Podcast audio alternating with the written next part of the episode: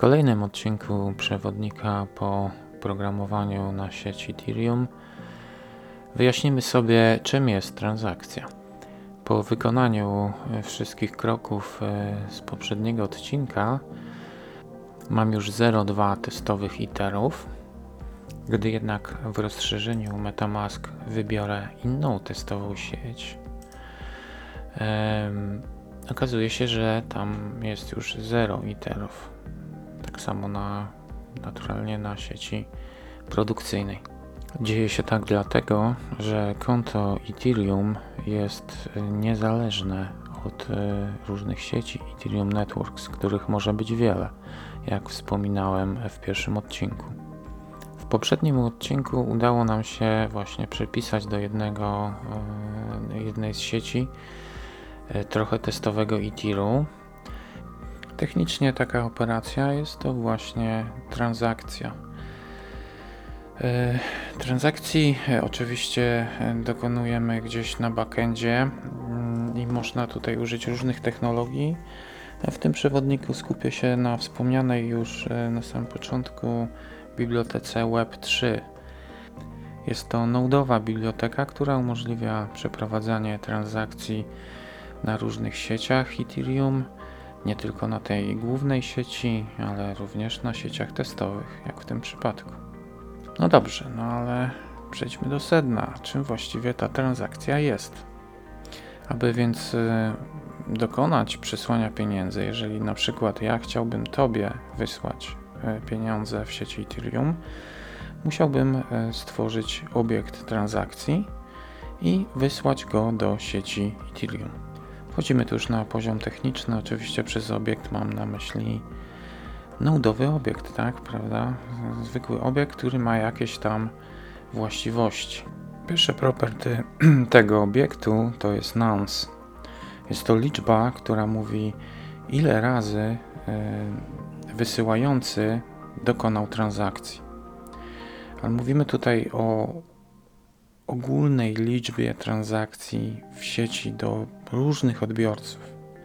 A więc jeżeli w przypadku E, tej testowej strony, której użyliśmy do mm, zasilenia naszego konta, wysyłającym tym obiektem, który wysyła, identyfikuje się w sieci Ethereum, e, był właśnie serwer, e, to no, możemy założyć, że on wysyłał do bardzo wielu różnych użytkowników. Każdy, kto przyszedł z internetu, mógł tam sobie kliknąć ten formularz więc jeżeli przykładowo on wysłał to 10 tysięcy razy dla różnych użytkowników, a my jesteśmy tym kolejnym, to wtedy na tym obiekcie transakcji, konkretnym tym do nas, to będzie y, nonce miało wartość 10 tysięcy jeden. Ciekawy jest tutaj dobór nazwy tego pola, bo na przykład gdybym ja tworzył taki obiekt e, transakcji, prawdopodobnie e, no, nazwałbym to jakoś, nie wiem, count, transaction count, coś w tym stylu. Jednak e, w sieci Ethereum jest to nonce, skrót od nonsense, czyli coś, co nie ma właściwie znaczenia. Czemu tak się stało? Nie mam pojęcia. Zapytajcie twórców Ethereum widocznie uznali, że ta liczba może się przydać, ale póki co nie ma większego znaczenia. Następne, najbardziej istotne pole e, to jest tu, a więc jest to e, adres, do którego zostaną wysłane pieniądze. No i to już jest na pewno e, nie jest nonsens, prawda? Jest to kluczowe pole tutaj w tym obiekcie transakcji. Kolejne kluczowe pole to value. Jest to e, wartość iteru, którą chcemy przesłać od wysyłającego do odbiorcy. Następne dwa pola to jest gas price i start gas, gas limit. Bardziej szczegółowo omówię je e, trochę później. Zasadniczo pola te są związane z opłatami za transakcje no, ale jeszcze w sieci testowej nie mają one takiego znaczenia dla nas. Przejdziemy więc do omówienia ich bardziej szczegółowo na dalszym etapie tego poradnika. Bardziej będą nas interesować trzy ostatnie już e, pola w obiekcie transakcji związane z kryptografią. Są to V, R oraz S. Zauważ, że chociaż było pole tu, czyli adres dokładnie e, do kogo jest e, wysyłany ITER, to nie ma w obiekcie transakcji pola from. Nie ma jakby jednoznacznie tego adresu wprost e, zapisanego, od kogo ten ITER pochodzi. Gdyby bowiem takie pole wprost istniało, co by nas powstrzymało przed stworzeniem transakcji, która mówi e, wyślij ITER od e, nie wiem, Krzyśka do Grześka, cały ITER Grze Krzyśka wyślij na konto Grześka, prawda? I skomitujemy taką transakcję i bum, jestem bogaty. No, ale tak to nie działa. Nie jest to oczywiście tak trywialne i e, właśnie tutaj w grę wchodzą te trzy ostatnie właściwości V, R i S. Są one związane z bardzo skomplikowanymi obliczeniami kryptograficznymi, e, które mają za zadanie właśnie zwiększyć bezpieczeństwo tych transakcji. Wyjaśnienie tego, co tutaj się kryptograficznie dzieje, e, no, wykracza poza E, ramy tego e, poradnika. Sam tego nie rozumiem. Wydaje mi się, że żeby to, tą kryptografię zrozumieć, to trzeba studiować latami i jest to wiedza niedostępna raczej dla mm, przeciętnego programisty. Dla nas wystarczy zrozumienie, że E, te algorytmy odpowiadają właśnie za e, bezpieczeństwo transakcji. Te trzy cyfry są e, w jakiś sposób wygenerowane przez klucz prywatny nadawcy transakcji. A więc klucz prywatny nadawcy jest użyty, aby wygenerować te trzy ostatnie parametry V, R i S, a one z kolei mogą również zostać e, do te, e, użyte do tego, aby wygenerować z nich adres nadawcy. Powoduje to więc ścisłe powiązanie klucza prywatnego, który jest tajny, z adresem nadawcy. Nie mogę stworzyć obiektu transakcji, który podszywa się pod e, kogoś, jeżeli nie znam jego klucza prywatnego ponieważ wtedy te trzy cyfry by były przez algorytm wykryte jako niewłaściwe, czy, czy w zasadzie nie byłoby możliwości utworzenia z nich poprawnego adresu. Proces generowania VRIS z, kluczu, z klucza prywatnego jest y, tylko, możliwy tylko w jedną stronę.